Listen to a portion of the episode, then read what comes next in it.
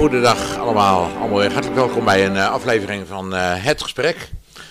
Vandaag uh, zit ik aan tafel met Kees van Helden, coördinator van Kies Leven, een organisatie die zich bezighoudt met alles wat samenhangt met het leven natuurlijk, maar ook wel een beetje met de dood, want het gaat ook over het beëindigen van het leven en welk recht we daartoe wel of niet hebben en wat daar de waarheid over is. Kees, van harte welkom aan deze tafel met uh, het gesprek. Het is wel een onderwerp wat al heel lang je hart heeft, want je bent met, met heel veel, eigenlijk met heel je leven met deze dingen bezig geweest. Nou, ik, ben, ik, ik ben in 2005 uh, betrokken geraakt bij uh, dit onderwerp. En uh, ik zat in de drukkerijwereld en ik kreeg Schreeuw om Leven als, als klant om drukwerk te doen. Ja. En um, nou, dan kom je in aanraking met Bert Doornbos, een bijzonder gedreven man. En, Vroeger uh, directeur van de Evangelische Omroep. Hè? Ja, dat klopt, ja. dat klopt. Die heeft echt zo zijn baan opgezegd. En uh, toen uh, de wet erdoor kwam van de wet van abortus. En die is echt vol voor het leven gegaan. En um, ja, dan kom je in aanraking met hem. En als je bij de drukkerij werkt, je krijgt al die stukken voor je. Die moet je, oh, je gaat het ook bekijken, je gaat het lezen. Je gaat hem adviseren. En op een gegeven moment zit je gewoon elke week een hele middag je was ook een soort redacteur, zeg maar. Van zo'n, nou, dat, dat, uh, je gaf adviezen. Bert is een, een visionair die ehm, heel veel ideeën heeft en die spuit hij dan. En, en ik ben echt een marketing-communicatieman, dus, dus je gaat met hem meekijken en dat klikt enorm. En je voelt op een gegeven moment, dit gaat ergens naartoe. Bert heeft al, al jaren, vroeg hij van, joh Kees, kan jij niet hier, want ik heb geen opvolger. Dat was in ik, ik, denk in 2011 al dat hij dat zei. Want we hebben samen de Schepping of Evolutie folder gedaan in Nederland. Huis aan huis ja. verspreid. In Darwin, ja. In Darwin, ja. ja.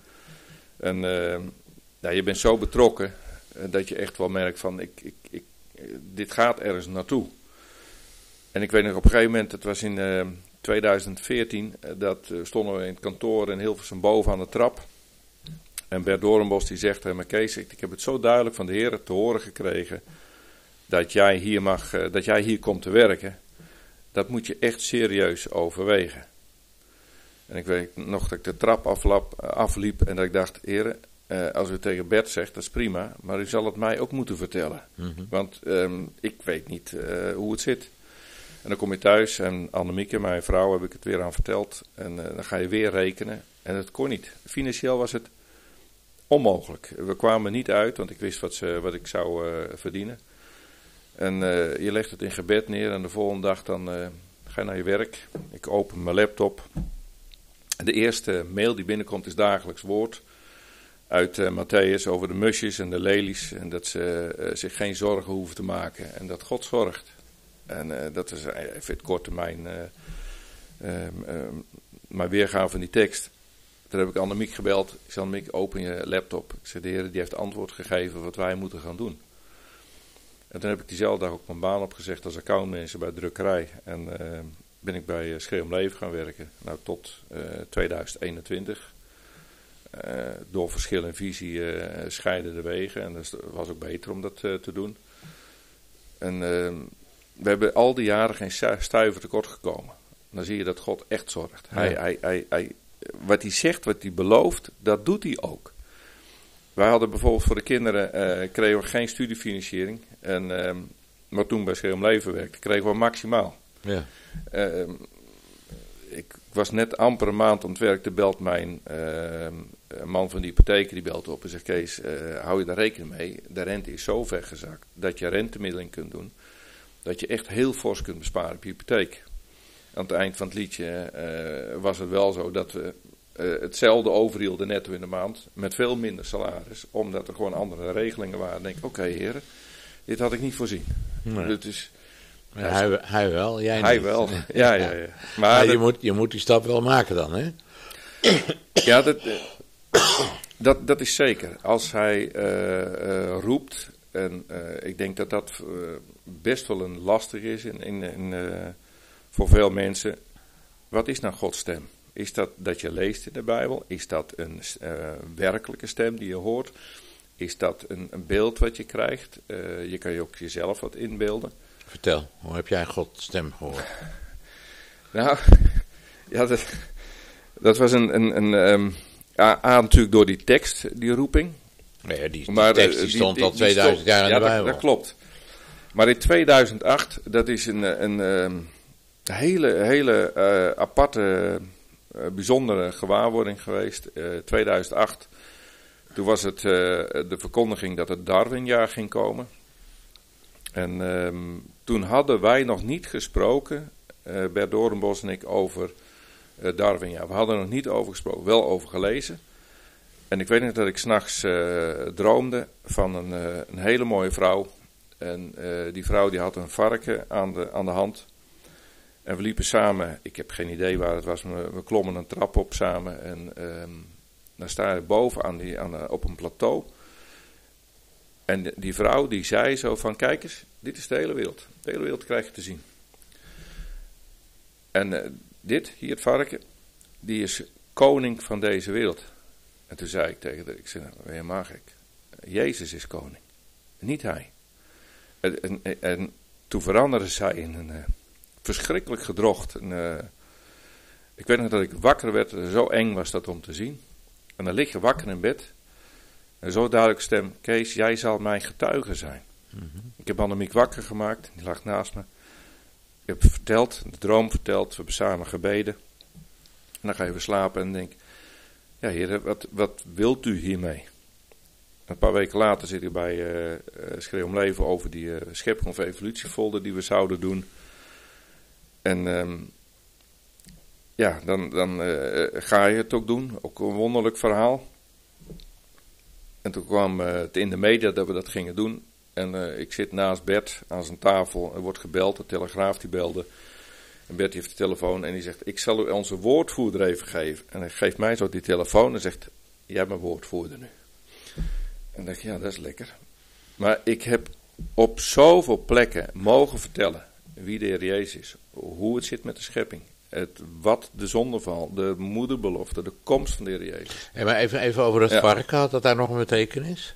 Of, of uh, is dat zomaar... Uh... Ik, ik, heb geen idee, maar het was voor mij de aanleiding om te zeggen in die droom van... Nee, het varken is niet de koning.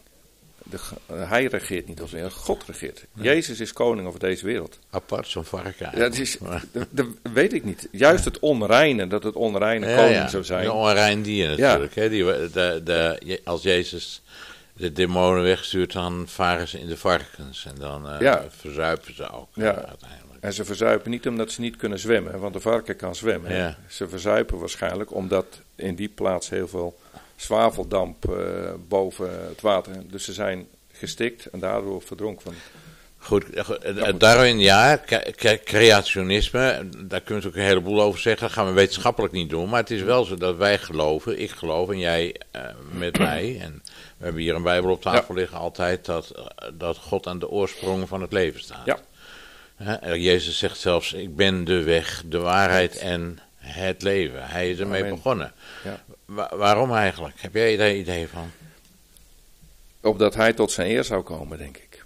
En, en um, ik kan niet in de, in, de, uh, in de gedachtegang van God kijken, maar alles wat hij gedaan heeft is om tot zijn eer te komen. We zijn momenteel aan het lezen in, uh, in Koningen, uh, Annemiek en ik. En als je dan leest dat het volk elke keer als ze fout gaan, straft God. Hij, hij, hij wil gewoon geëerd worden, hij wil gewoon aan zijn eer komen en niet uh, onze eigen eer zoeken. Het is wel, wel mooi dat je zegt uh, van, uh, de, dat God de aarde geschapen heeft. Het, het, bruggetje, het contrast wat er is. We hebben eigenlijk de een die gelooft dat er een God is die de aarde zes dagen geschapen heeft. En we hebben een grote groep die zegt nee, er is geen God.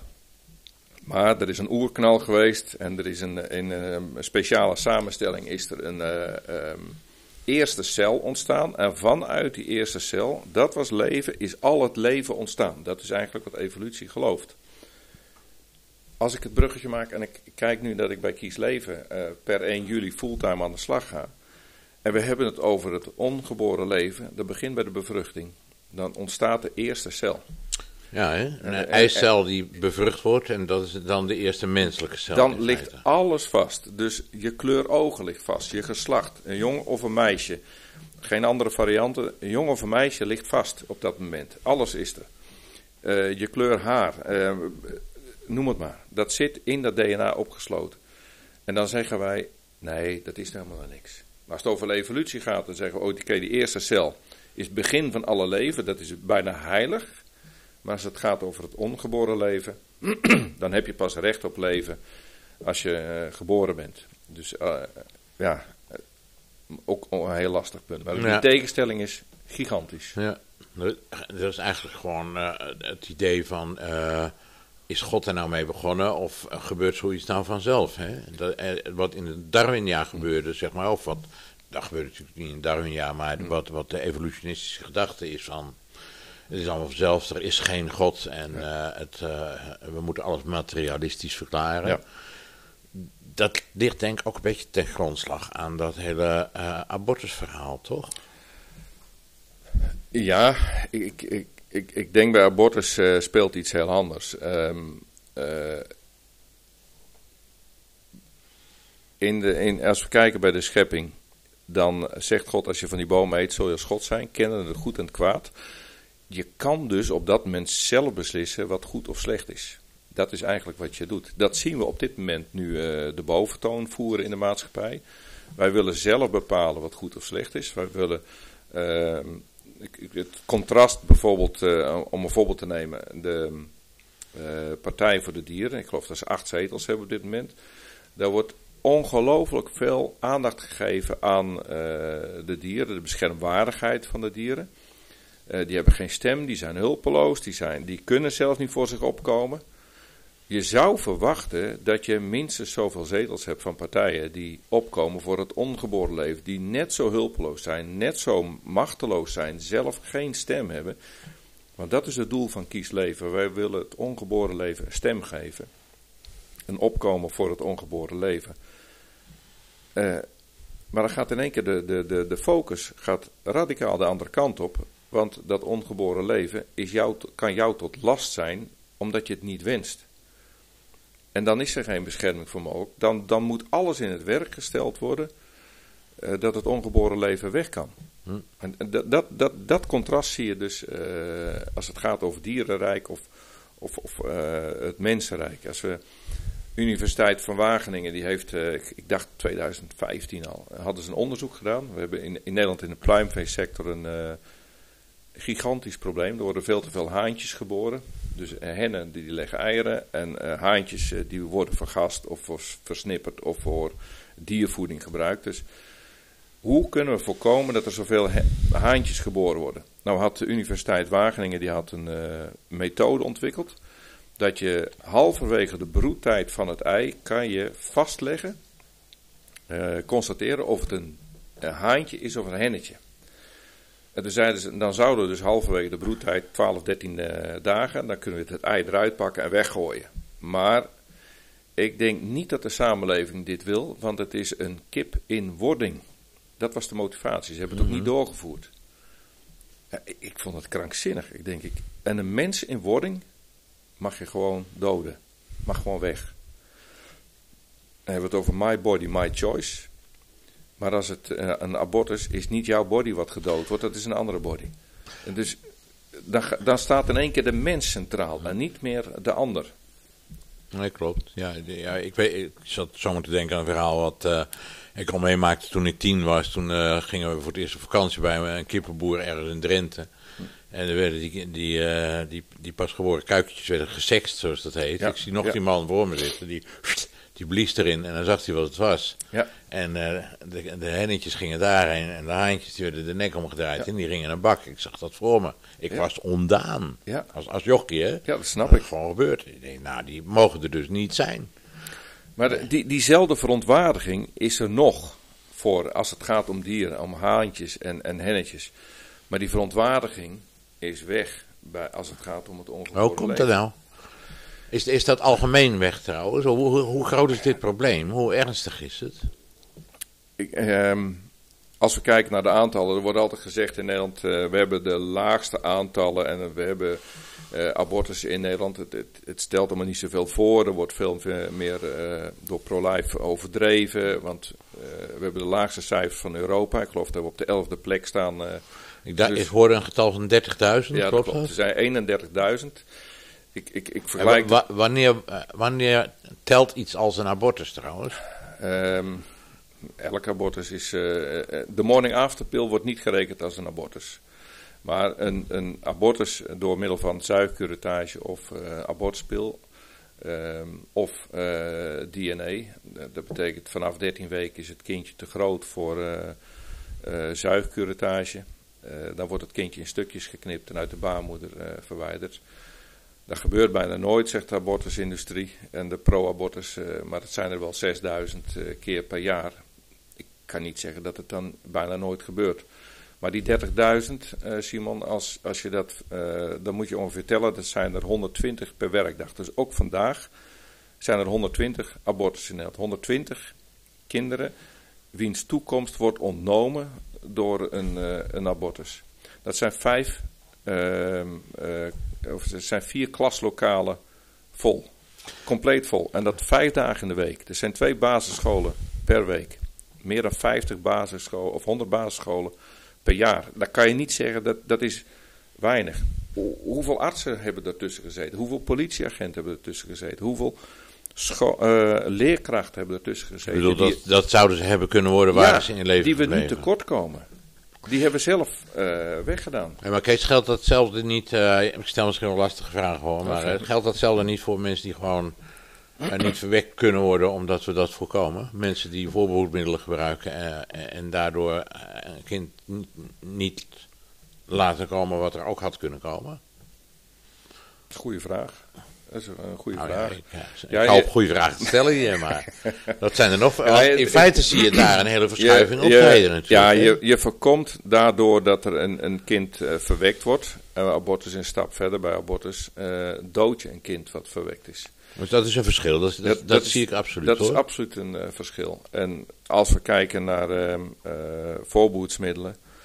Door de komst van de voorboedsmiddelen in de 60 jaren is de vrije seksuele moraal ontstaan. Ehm, we zien ook een, eh, eh, een behoorlijke verschuiving eh, door de jaren heen.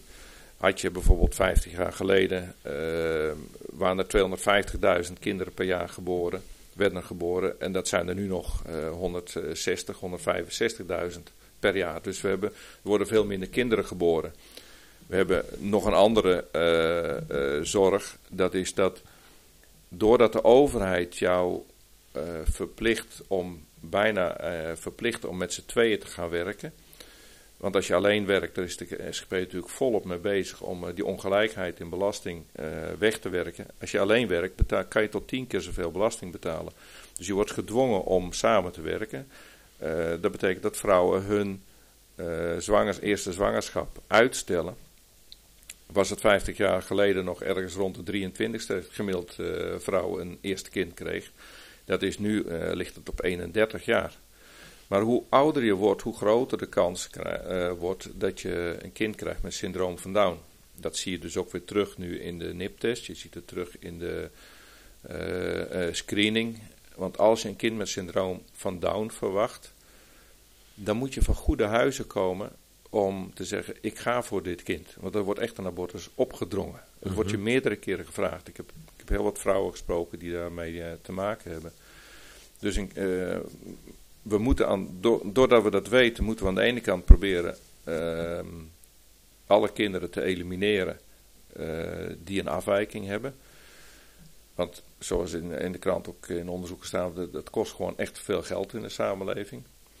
En het andere moment dat je Je heel... bedoelt om een, een eh, gehandicapt Ja, kind of een ja. kind met een afwijking ja. eh, te verzorgen en eh, te begeleiden. En dus dat, dat kost, en de hele zorgkosten is, is voor de overheid een soort zwaard van Damocles wat ze boven het hoofd hangt. Want we hebben, ehm, ik heb er in 2016 al een artikel over geschreven, dat je ziet de, de vergrijzing, we hebben een dubbele vergrijzing. We worden A, ouder en dus, dus eh, ouder en de dubbele vergrijzing slaat ook op die eh, babyboomers eh, die na de Tweede Wereldoorlog geboren zijn. Dat was een enorme opkomst. Ja, die, die gaan ook allemaal een keertje overlijden. Dus, en dat is nu op dit moment aan het aftoppen. Dus Ja. je hebt dus een enorme eh, zorgkostenpost voor de overheid voor die groep mensen. Dus ik snap aan de ene kant wel dat je zoveel mogelijk wilt, eh, gehandicapte kinderen wilt voorkomen door eh, de 13 weken echo, de NIP-test, de 20 weken echo. Dus je wordt eh, daar behoorlijk onder druk gezet. We kennen de verhalen. Om het weg te halen, te halen als het niet goed is. Want je voorkomt dan in, in mijn ogen een stuk zorgkosten. En aan de andere kant, dat zien we ook stijgen, dat is euthanasie. Als iemand zegt, ik ben klaar met het leven, dat hij uit moet kunnen stappen. En ehm, dat wordt ook steeds makkelijker gemaakt. En we zien dat ook steeds stijgen, want het CBS heeft een keer uitgerekend dat je in je laatste levensjaar tien keer zoveel zorgkosten nodig hebt als in de andere levensjaren.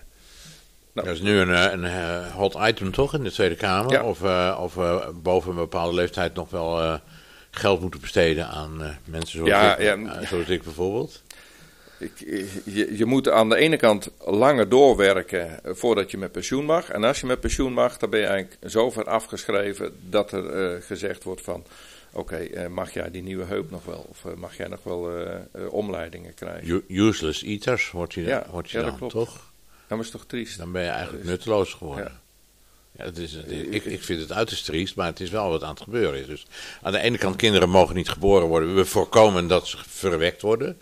Dat heeft sowieso geleid tot een, een enorme verandering in de seksuele moraal. Absoluut. Eh, Absoluut. hier en daar gaat dat toch mis, zal ik dan maar zeggen. En worden er toch kinderen verwekt die, die er niet moeten zijn en die aborteren we dan. Morning after pill tellen we niet mee. Dat zijn er waarschijnlijk ook best veel. Want volgens mij Heel veel. dat Dat zijn gewoon er- bij het kruisvat kopen tegenwoordig, Ja, toch? Ja, je hebt eh, bij de morning after pill, dat is wel interessant eigenlijk om, eh, daar zien we een, een verschuiving van, van terminologie. Voorheen, als je iemand over tijd was, dan, dan, dan, ja, dan ben je zwanger. Er wordt gezegd zwanger. Wanneer ben je zwanger? Vanaf het moment dat de bevruchting plaatsvindt, dus een zaadcel en eicel samen eh, smelt, ben je zwanger. Wat zegt nu eh, de, de media? Die, die komt, eh, en ook de Morning After Pill, Ella doet het bijvoorbeeld, dat is een van de merken. Die zegt, je bent pas zwanger als die bevruchte eicel zich heeft ingenesteld in de baarmoederwand. Dus in het baarmoederslijmvlies. Dan ben je zwanger. En de L1 die voorkomt dat. De, de Morning After Pill heeft eh, een drietal functies. Eén, ze voorkomen een eh, ijsprong. Dus als je de ehm, gemeenschap hebt gehad en je hebt geen voorboedsmiddel gebruikt, dan ga je de dag daarna, eh, of daarna ga je, je de Morning After Pill en die voorkomt de ijsprong. Ja, leuk, maar als die ijsprong net geweest is, voorkomt die niks meer en word je gewoon zwanger. Kan je dus gewoon een bevruchting krijgen.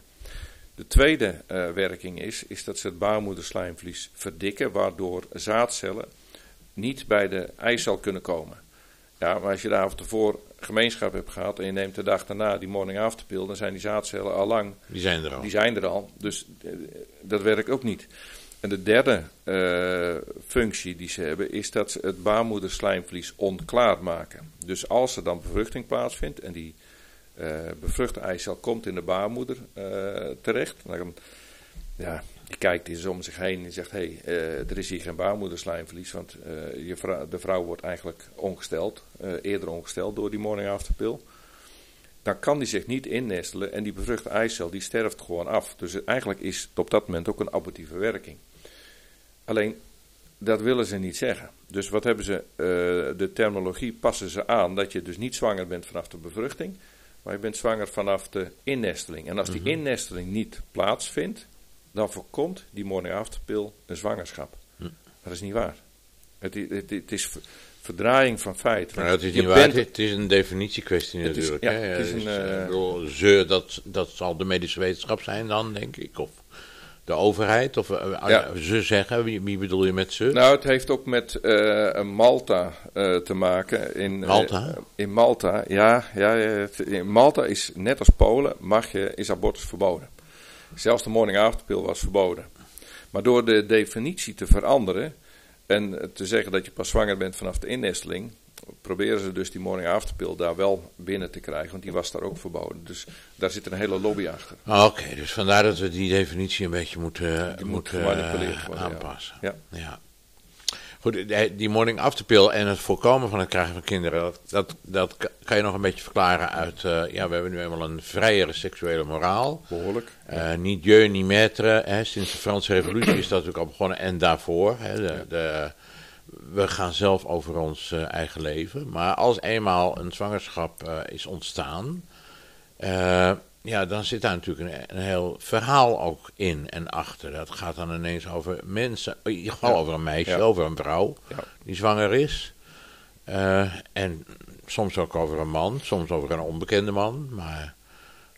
Althans, een man die, uh, die zich daar niet meer mee bemoeit. Maar niet, uh, er is in ieder geval altijd sprake van een, een vrouw en een. En ja, een uh, altijd.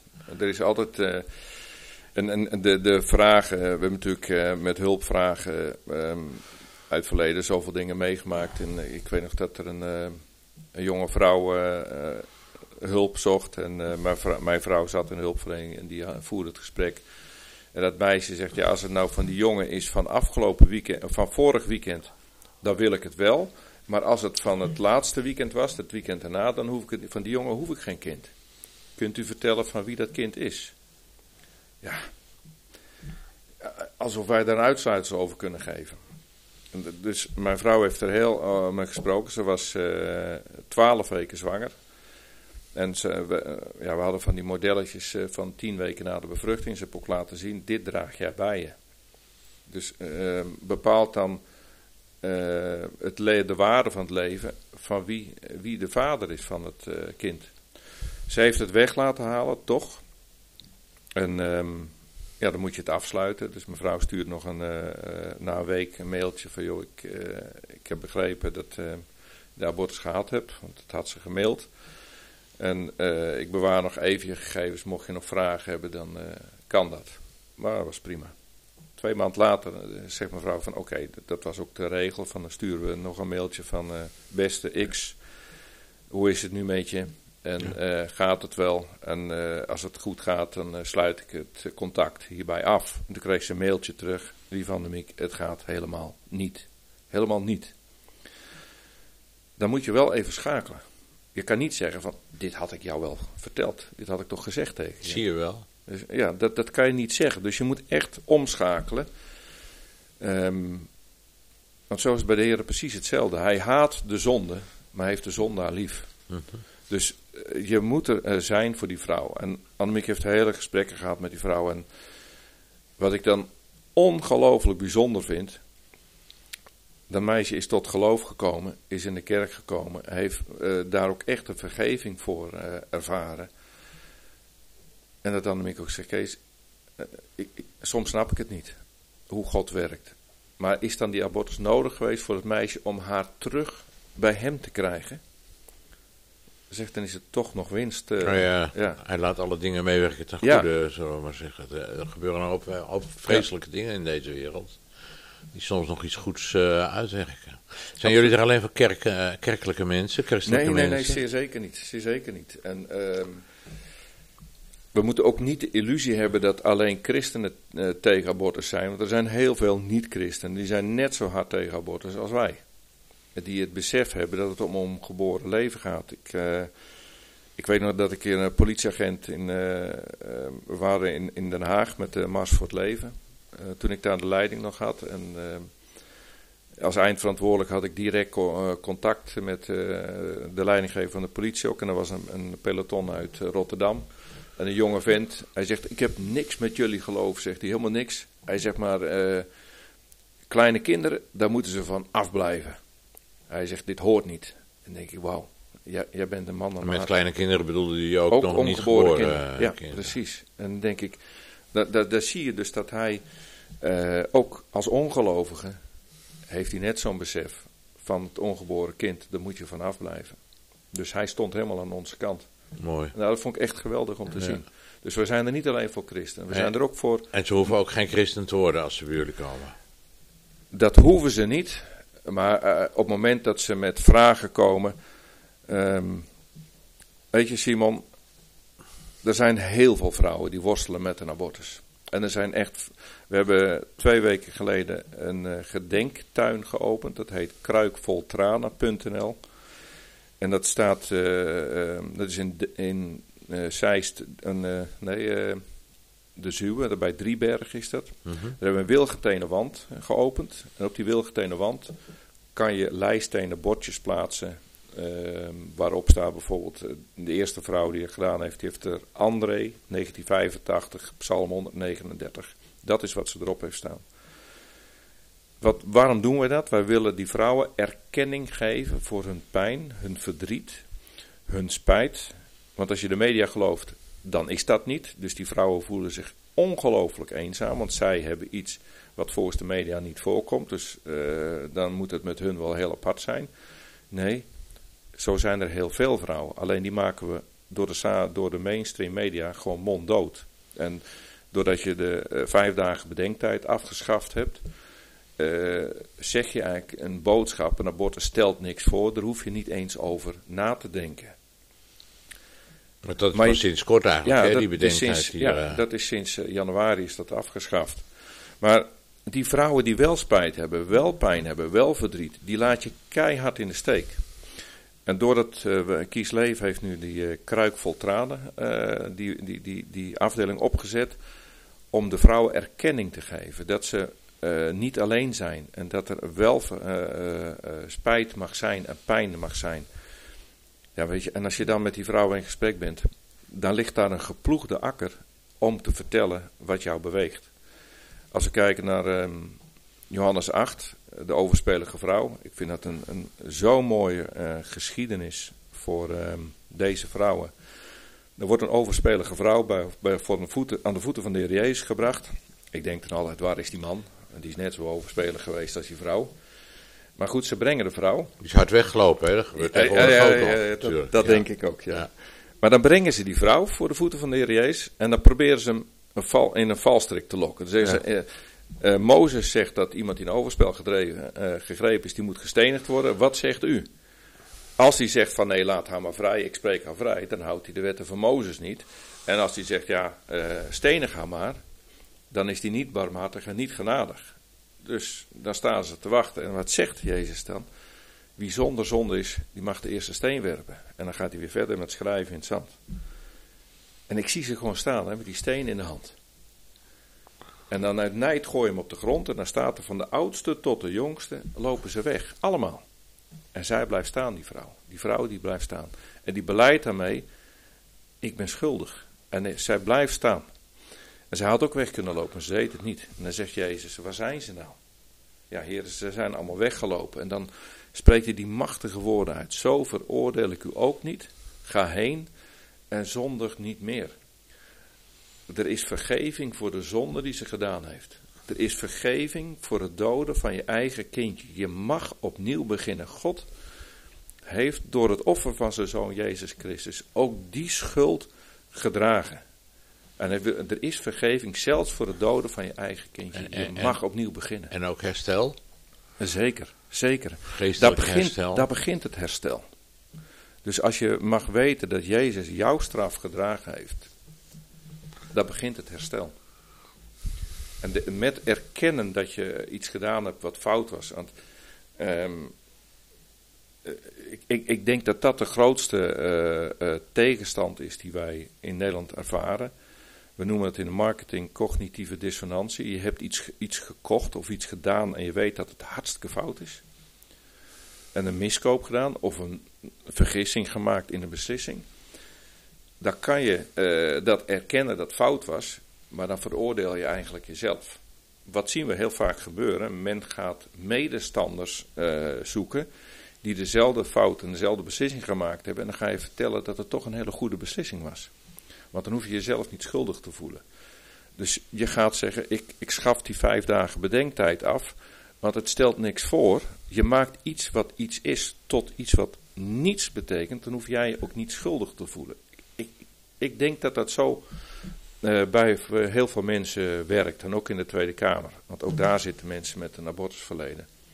Ja. En, ehm, en, maar door te erkennen dat je het fout gedaan, door te erkennen wat in het duister is, want het is een geheim wat je meedraagt.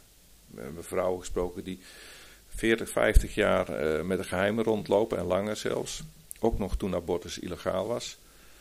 waar ze niet mee naar buiten kunnen. Maar op het moment dat je ermee naar buiten gaat, door bijvoorbeeld zo'n bordje te plaatsen, door ehm, erover te gaan praten, dan breng je wat in het duister is, breng je in het licht. En dan, dan kan er herstel plaatsvinden, Ja. eerder, niet. Maar dat geldt voor elke zonde, geldt voor elke fout. Ja. Ook, ook eh, wat je ook gedaan hebt. Zijn er eigenlijk ideeën van of cijfers van, onderzoeken naar gedaan? Hoeveel, hoeveel vrouwen, echtparen spijt hebben van? Nee, die, die, eh, die zijn er niet, die onderzoeken. Ehm, er wordt wel eh, altijd gezegd door Rutger Stichting, door FIOM, door de Tweede Kamer. De vrouwen hebben geen spijt. Eh, ze weten dat het de juiste beslissing is. Nou, ik, ik zou je zo een filmpje kunnen laten zien van een. eh, dat is onlangs op tv geweest. eh, in in een, een klaslokaal er worden door eh camera worden leerlingen gevolgd. leerlingen met zorgen. En ze krijgen een opdracht mee. Schrijf een gebeurtenis mee waar je afgelopen weekend aan dacht. En bespreek die in de groep. Nou, dan zie je daar een groep jongeren zitten. En dan komen twee studenten, die komen wat laat eh, binnen. 15, 16 jaar. En eh, die ene zegt, ja, ik heb niks gedaan. Ik heb niks opgeschreven. En het meisje van 16 zegt, ja, ik heb wel wat opgeschreven. Ik heb van het weekend eh, geschreven over mijn abortus van vorig jaar. En ze heeft dus zo dat briefje, ja, het raakt me. Ze heeft dat briefje in de hand. En die begeleider die zegt, zal ik hem voorlezen voor je? Ja, het lukte dus haar niet. Zij leest hem voor dat ze eh, merkte dat ze zwanger was. Ze heeft een vriend gebeld. En samen met de vriend is ze naar haar ouders toe gegaan. En haar moeder die raadde het gelijk. De vader die eh, schreeuwde door de telefoon van je moet het weg laten halen. Je, eh, je hebt geen geld en je kan het niet. En jij kan geen goede moeder zijn. En dan leest die, die vrouw die leest verder voor het meisje van mijn ouders hebben niet in de gaten wat ze mij hebben aangedaan door mij te dwingen tot abort. En je ziet er helemaal breken voor die, voor die kamer. Ze gaat helemaal stuk. Ze huilt.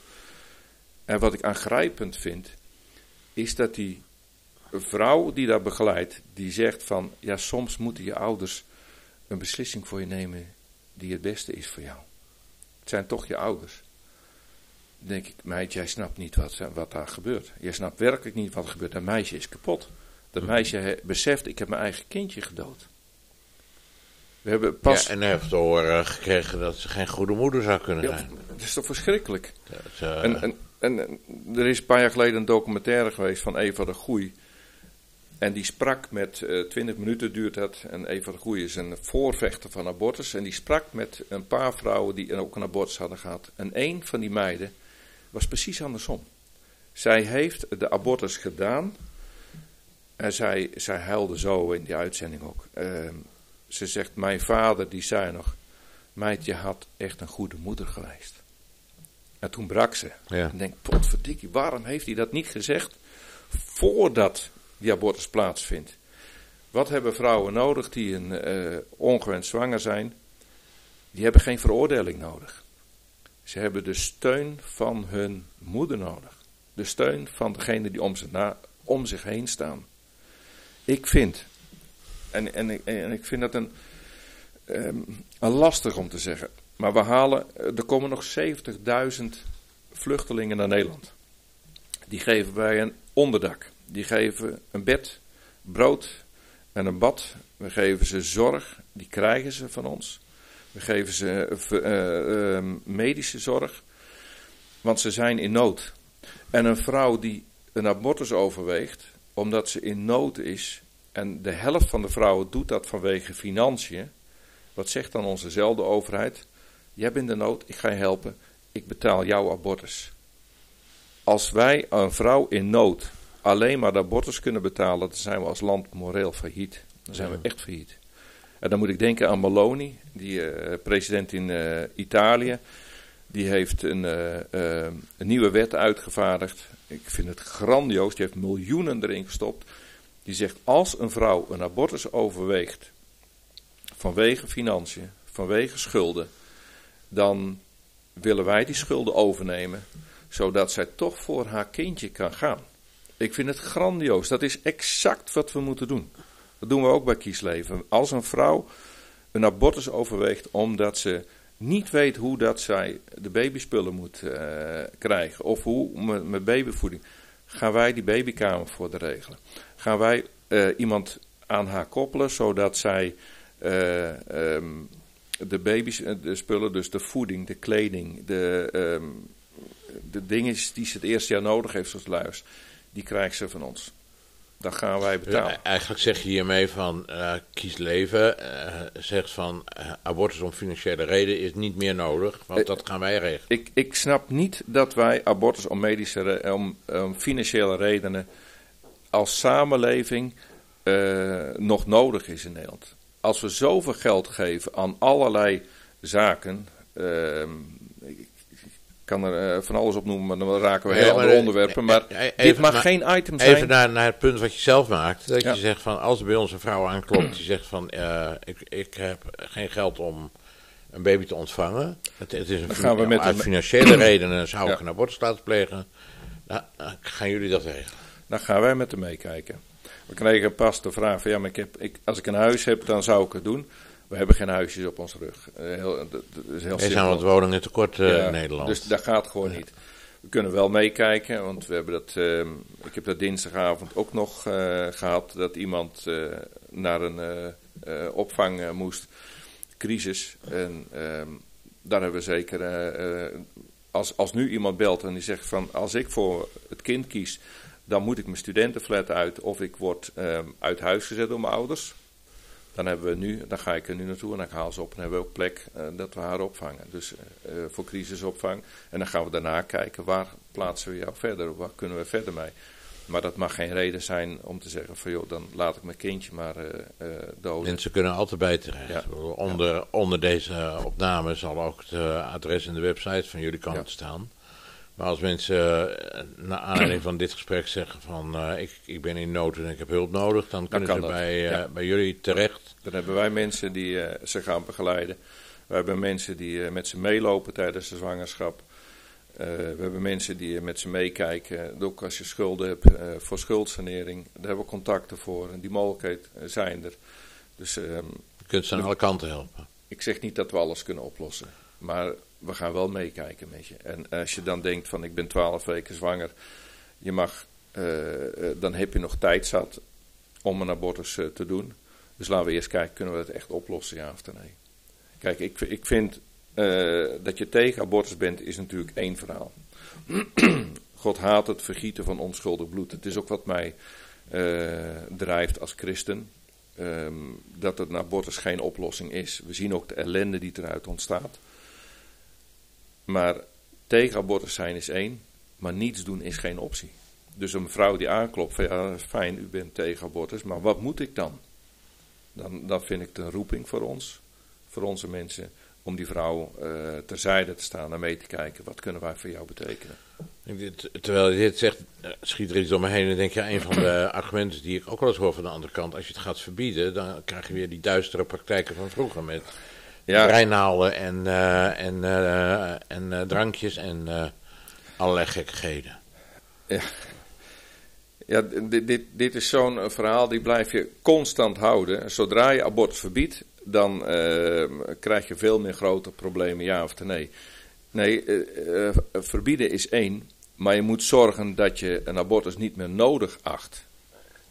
En geheid komt dan, uh, dan, moet, dan moet je dus oplossingen voor uh, zorgen. Dus als iemand zegt, ik doe een abortus omdat uh, die financiën, of omdat ik geen woonruimte heb, of omdat mijn relatie over is, of omdat mijn vriend het niet wil.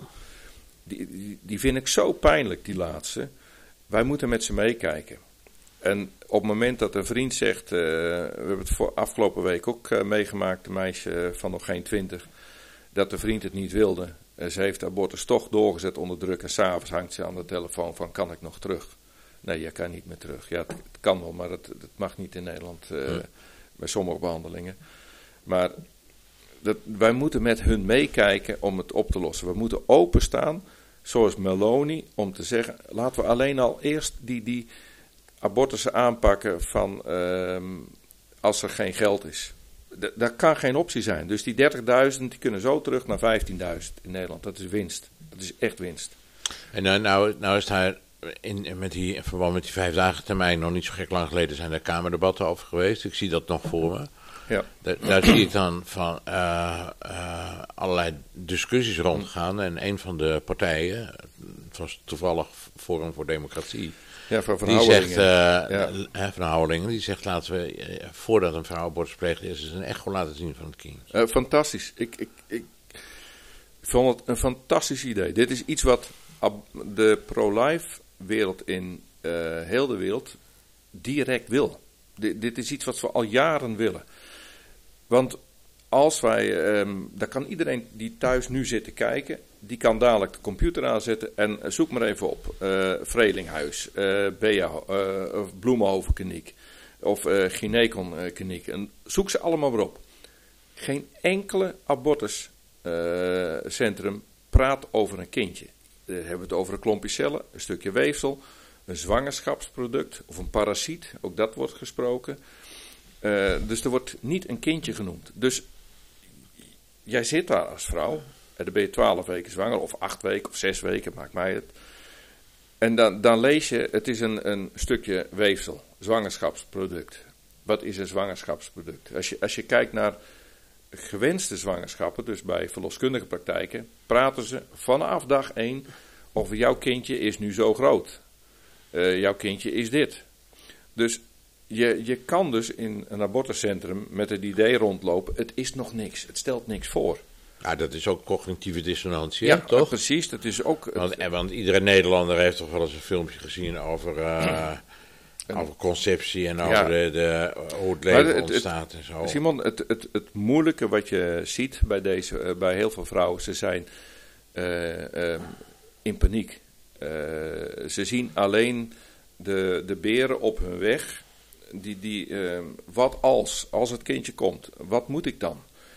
Eh, ze, zitten zo in paniek, ze zijn zo in de Ja, hun leven stress. gaat overhoop Ja. natuurlijk. Ze kunnen misschien niet meer studeren. En, en dat, Ze kunnen geen gewoon gezin meer opbouwen. Ze kunnen, Ja. het, het staat En- allemaal op en- kop. Ja, dat, dat, ja. maar eh, dat je, wat je noemt, je kunt er niet meer studeren, niet meer dat kan allemaal wel. Maar je hebt gewoon hulp nodig. En, en die, hulp is, die hulp is er ook. Maar als je dus in een abortuscentrum bent en er wordt verteld, ja, jou, eh, we gaan het zwangerschapsproduct weghalen en je bent acht weken. Je zou een, en als je de echo ziet, dan zie je gewoon armpjes en beentjes. Dan zie je het hartje kloppen. Want er is, eh, eh, je moet je voorstellen, op het moment dat je bevruchting plaatsvindt, je hebt gemeenschap gehad, er is, de eicel leeft gemiddeld een halve dag tot een dag en dan moet, binnen die tijd moet bevruchting plaatsvinden. Zaadcellen leven gemiddeld vijf dagen, dus als je twee dagen ervoor gemeenschap hebt en twee dagen later vindt de eisprong, kan je nog steeds zwanger worden. Nou, vanaf het moment van de bevruchting duurt het ongeveer 21 dagen, dan is er al een hartslag. Dus, en daar ben je een week over tijd, dan weet je maar amper als vrouw dat je eh, zwanger bent, dan is er al een hartslag. En dan zeggen de abortuscentrum, eh, een week over tijd, man, het is een klompje cel, het stelt helemaal niks voor, het is een stukje... Hartslag betekent dat er een bloedsomloop ook gewoon. Dus. Ja, als je, als je daar gaat doordenken, het zijn de eerste cellen. In, in, in de metro stond een aantal jaren geleden uit een Amerikaans onderzoek. Die arts die zei van eh, het is waarschijnlijk al bij 16 dagen na bevruchting. Dat is discutabel, maar er zijn vele onderzoeken over eh, 21 dagen dat dan eh, al een hartslag is. Eh, even een klein uitstapje naar de embryowet die momenteel ter discussie staat. Die, eh, eh, dat, dat ze die willen veranderen, dan mag je dus onderzoek doen, embryonaal onderzoek, tot 28 dagen. Dus dat betekent dat daar iemand onder een microscoop, natuurlijk is het heel klein, die zit daar in een mensenleven te, te experimenteren op een levend wezen met een hartslag. Die hartslag is er dan al. Dus ze zit eh, van 21 dagen tot 28 dagen. En als je doordenkt, dat is wat jij zegt, dan is er ook een bloedsomloop. Er is, een hartslag kan er niet zijn als er nog geen bloed is. Nee. Er kan geen hartslag zijn als er niet kanaaltjes zijn waar het bloed doorheen moet. Hoe klein het ook is, hoe minuscuul het ook is. Dat is er Ja, allemaal ik, wel. ik heb hier nog niet zo lang geleden, en dat is op de website nog goed na te kijken, met Peter Borger eh, aan tafel gezeten. Die, Ja. die een wonderbaarlijk verhaal vertelde natuurlijk over die ene cel die eigenlijk alles in zich heeft. En Ja. dat er een soort meta-informatie in die cel Ja. komt, waardoor uiteindelijk cellen weten op welke plek ze terecht moeten Ja, komen. de, Want- de stamcellen. ja, ja. maar hoe weet een cel nou dat hij hart moet worden? Of dat hij oog moet worden? Of dat hij vinger moet worden? Dat of weet ik niet. Nee, maar dat weet ook niemand. Hè? Wie heeft dat geprogrammeerd? En hoe, zit dat, hoe is er dat ingekomen? Is dat allemaal... Het is voor, het is voor Peter Borgen die, eh, de, de aanleiding geweest om te zeggen van er moet een schepper zijn die dat geregeld heeft. Het is, hij doet dat vrij wetenschappelijk. Hij zegt het is informatie. En informatie komt, komt altijd van, van iemand die eh, intelligent is en, eh, en informatie kan overdragen. Ja? Dus, dus moet, mo- het kan niet zonder dat. Nee. Ik ben het helemaal met Peter eens. Ja. Ik ken Peter heel goed, al jaren. In eh, 2010 was hij, of 2009 was hij ook betrokken bij de Schepping of Evolutie folder al. En, en, en toen zei hij dit al. En eh, toen denk ik, ja Peter, dit is zo. Dat kan niet zonder een, een, eh, een schepper. Dat kan niet per toeval. ehm, eh, je kan niet per toeval eh, de informatie ingestopt hebben in een cel, in die chromosomen en eh, DNA. Dat moet geprogrammeerd zijn. Dat is een ongelooflijk ingewikkeld eh, samenstel van, van Ja. informatie. Hè? Ja, dat- vind ik het grappige van eh, eh, het mooie, wat grappig, het mooie bij Peter, als, als, als je gaat inzoomen naar, want we kunnen steeds verder kijken, we kunnen steeds meer ontleden, we ontdekken steeds meer. Maar hoe meer we ontdekken, hoe meer we tot besef komen wat we niet weten. Omdat er nog veel meer informatie achter die informatie zit. Nou, dat- dat- als je erover na gaat denken, dan. ehm, Ja, hij noemt dat meta-informatie. Dat zit, daar Ja. zit echt nog iets boven, Ja. iets achter. Ja. Wat, we, wat we eigenlijk ontdekken dat, dat we er nauwelijks zicht op hebben. Nauwelijks. mooi dat hij dat zegt, dat hij zo eh, eh, moet beleiden van er moet een schepper zijn. Ja, het is voor hem de reden geweest om tot geloof in, eh, in de Bijbel en in Jezus Christus te komen. Geweldig. Omdat hij ook heeft gezien dat, eh, dat de Bijbel daar het juiste verhaal eh, over vertelt. Ja. God die aan de oorsprong van het leven staat. We hebben een paar keer Psalm 139 al genoemd. Daar ligt hij open voor me. Uw Ja. ogen zagen mijn vormeloos begin.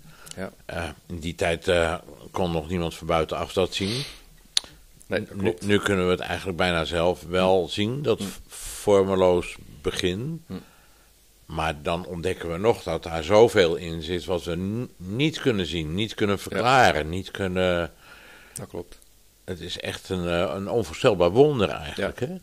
Het is absoluut een, eh, een wonder. Ik, ehm, wij hebben drie kinderen. We hebben zes kleinkinderen. De zevende is op komst. De laatste twee zijn eh, van, van dit jaar.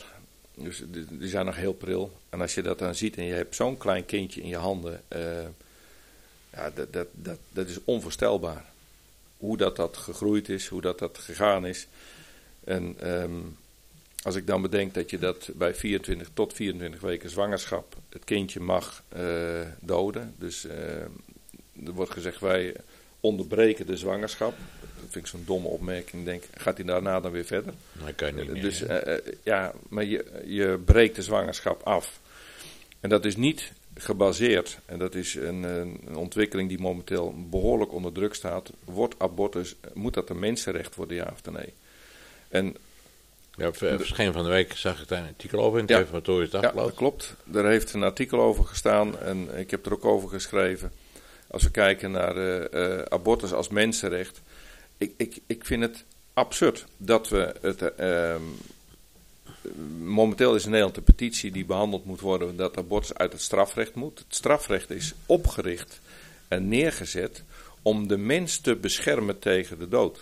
Dus als je abortus uit het strafrecht haalt, dan haal je de bescherming van het ongeboren leven haal je eigenlijk weg. Daarmee zeg je van, ehm, het is niet erg, je, eh, eh, het, het is geen foute beslissing.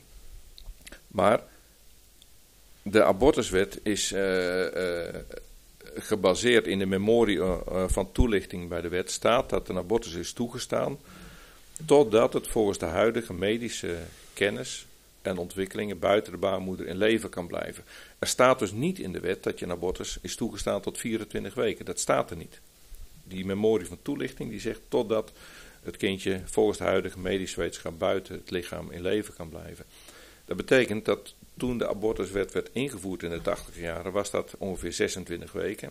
Je houdt twee weken marge aan, dus dat was voor toen de stelling 24 weken. Alleen we zijn nu 35 jaar verder En als we nu kijken uh, naar uh, geboortes, er worden kinderen geboren tussen de 21 en 22 weken, die met de huidige medische kennis in leven blijven en uh, gewoon gezond opgroeien. En ja, er is natuurlijk risico. ze, worden niet, vroeg... ze worden in het ziekenhuis niet behandeld, hè? Nou, dat verschilt. Het verschilt. Het ene ziekenhuis pakt het wel op en de andere gewoon absoluut niet. Um, dus, dus maar net ja, hoe de gezondheid is. En uh, we weten van in, in, Amerika wordt het veel meer gedaan dan hier in Nederland. Maar als een, we de wet goed interpreteren, dan zou abortus niet verder mogen gaan als 21 weken. Houden we dan dezelfde marge aan die we nu doen, met twee weken ervoor, dan zou de abortus maar tot 19 weken mogen worden toegestaan in Nederland.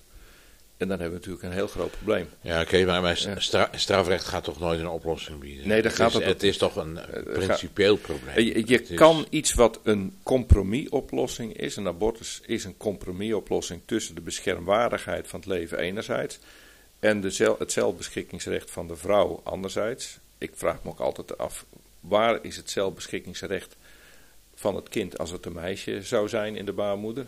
Waarom gelden voor haar niet dezelfde rechten als voor de andere eh, voor de vrouw zelf. Maar er is juist nog niks te zeggen, hè? Nee, maar, maar een compromisoplossing kan nooit een recht worden. Nee, daarom. Dat kan nooit een recht worden. Nee, maar je kunt dat dus ook eigenlijk bijna... Ja, natuurlijk kun je met strafrecht een heleboel dingen regelen. Maar het gaat erom dat, dat, uh, dat, dat mensen zich boven God gesteld hebben en als God willen zijn. Hè? Dat zien we natuurlijk in deze tijd sowieso gebeuren met met de hele ontwikkelingen uh, in, de, in de nieuwe wereldorde en de World Health Organization. En uh, ik hoor een, uh, een Harari nog zeggen: We are going to do it better than God. Ja, dat heeft hij gezegd. En, ja. ja, dat is eigenlijk dat is de, de, de richting die we ingaan. Hm. En wat ik soms niet begrijp, maar ik weet niet of jij daar een idee voor hebt, dat, dat, de, dat er zo weinig verontwaardiging is, zo weinig principiële verontwaardiging bij christenen. Om nou dat voorbeeld te noemen van, van, uh, van uh, die, die, echo, hè, die dan hmm. moest uh, laten zien, daar, daar, daar, zie ik zelfs christenen tegen protesteren in de Tweede Kamer. Ja, dat heeft me ook verbaasd. Dat heeft me echt heeft verbaasd. Pijn, pijn dat, gedaan. Um, ja, dat snap ik. Ik, ik. ik dacht, hier ligt een schot voor open doel. Om te zeggen, om vanuit de coalitie als ChristenUnie te zeggen, dit gaan wij steunen dat hebben ze niet. Ik, ik snap dat ook niet. Ik snap dat echt niet. Ik, ik, ik, zou, dat, uh, ik zou willen dat vrouwen uh, de abortus, uh, dat, ze zien wat ze weg laten halen. De, de film Unplanned van Abby Johnson, um, die hebben we een paar jaar geleden naar Nederland gehaald. Ik heb Abby Johnson in 2010 voor het eerst ontmoet in uh, Dallas. Toen waren we op een conferentie. Ik was samen met Bert uh, een week mee op de conferentie. En zij deed daar voor het eerst haar verhaal in die conferentie. Het maakte immense indruk op mij. Wat, wat, uh, wat zij toen vertelde en wat ik nu zie in de film die uitgebracht is. Hij is op New Fate Network is te zien sinds twee weken. En um, wat zij laat zien in die film is exact wat ze toen vertelde. Dus er zit een hele consistentie in haar verhaal. het is niet en wat laat ze dan zien? Nou, dat, eh, zij, was, zij dacht werkelijk dat ze vrouwen hielp. Ze is directeur geworden van een uh, abortuskliniek, Planned Parenthood. Dus gepland ouderschap. Uh, stomme naam trouwens, want je laat je kind weghalen en uh, je, je wordt de ouder van een dood kind op dat moment. Dus het is een hele domme naam. Maar goed, wat gebeurt er? Zij werkt daar en eh, ze missen iemand die de echoscopie bedient. Ze heeft zelf twee keer een miskraam of twee keer een abortus gehad al. En nooit beseft uh, wat uh, ze heeft laten weghalen en hoe of wat. En dan staat ze in die behandelkamer en ze bedient de echo. En zij, je ziet de verbijstering, en dat vertelde ze ook toen op die conferentie. Ze zegt, ik zag een kindje. En dat kindje was net zo oud als het kindje wat ik heb laten weghalen. Ze zegt, en ik ging helemaal stuk. Want toen besefte ik wat ik gedaan had. En ze is naar de kantoor gegaan, ze is in, uh, in elkaar gezakt, ze is naar buiten gegaan. En buiten bij het abortuscentrum stonden uh, demonstranten, wakers. Nou, dat, dat doet Kiesleven ook. Samen met Schreeuwleven en nog een aantal andere organisaties. staan we bij abortuscentra. En Abby Johnson is naar die mensen toe gegaan en zegt: Ik wil met jullie praten. En zij heeft daar ook direct haar baan op gezegd. En zij heeft, ze is 100% pro-life geworden. Ik, ik heb, heb, me heel erg getroffen, want dat vertelde ze toen ook. Ze zegt, wij moeten elkaar bemoedigen. Als je, vaak sta je daar als wakers voor zo'n abortuscentrum.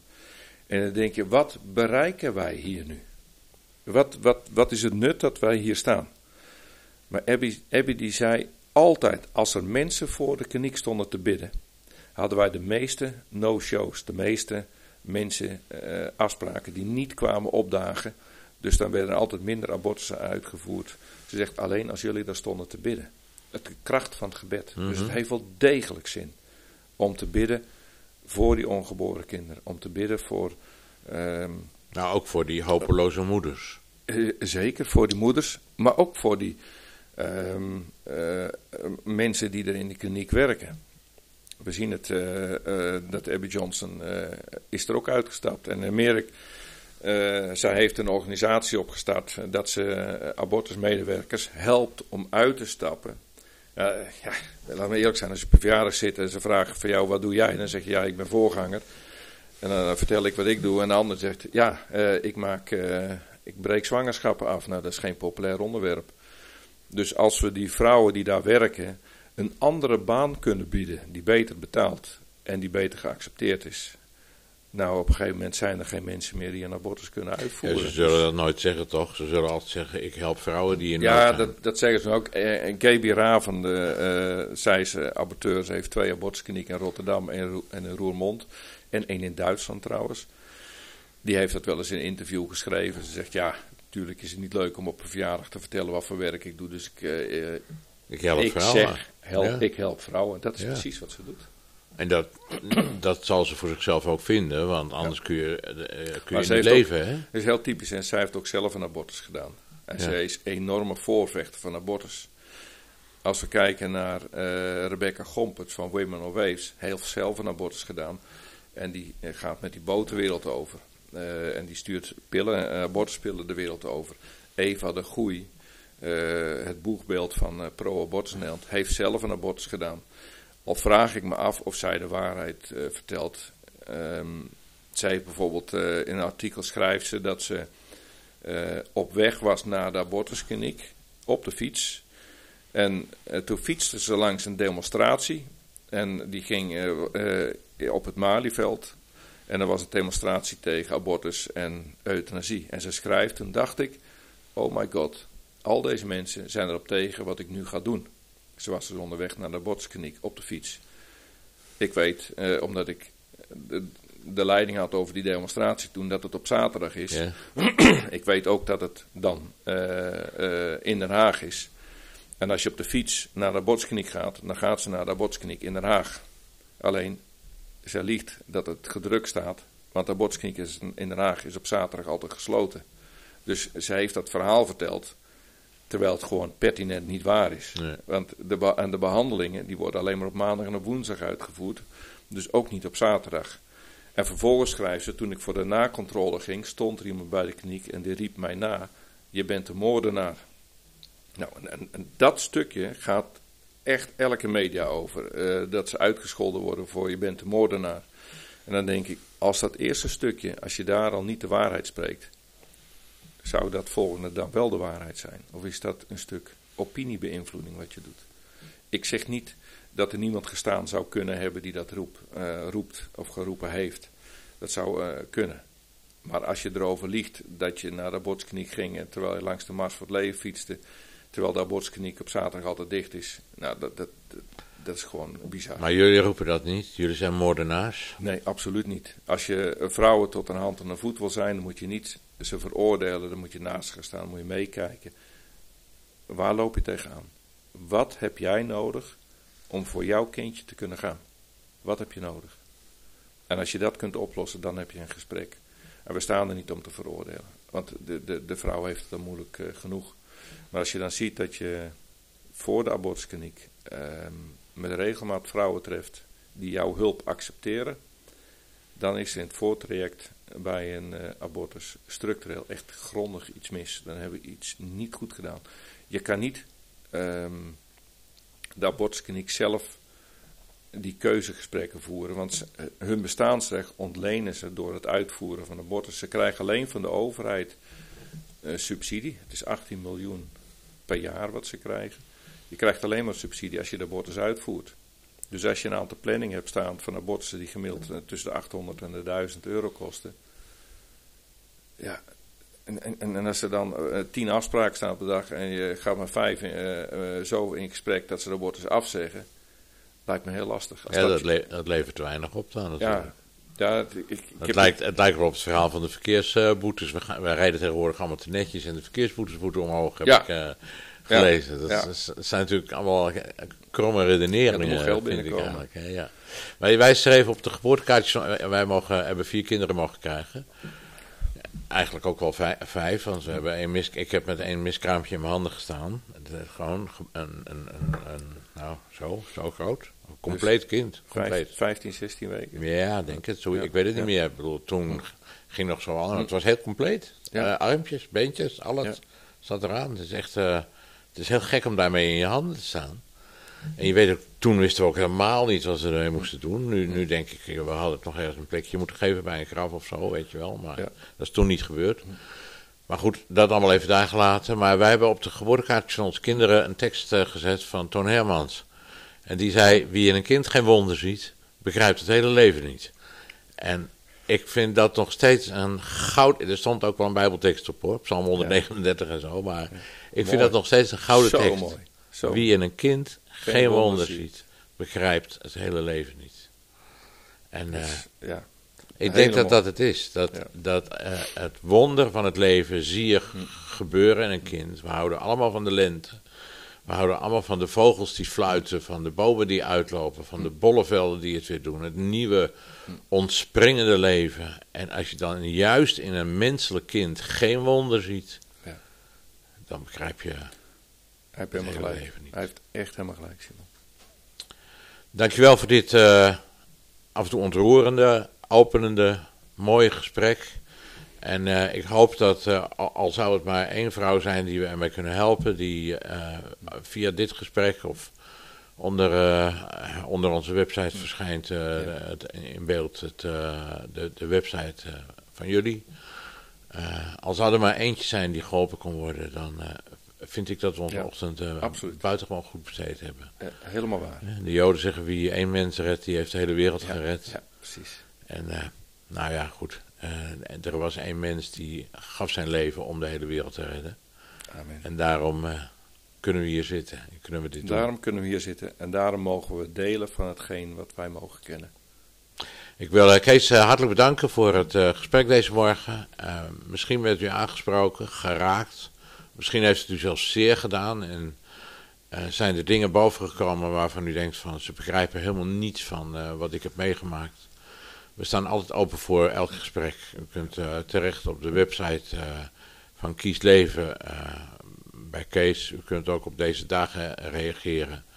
We staan open voor elke reactie. Deel deze video, like hem eventjes hieronder. Deel hem met vrienden. Deel hem ook alsjeblieft met mensen die in dit soort noodsituaties zitten.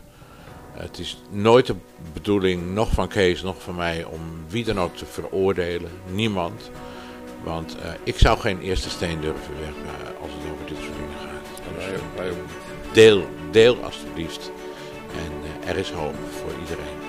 Dank u wel.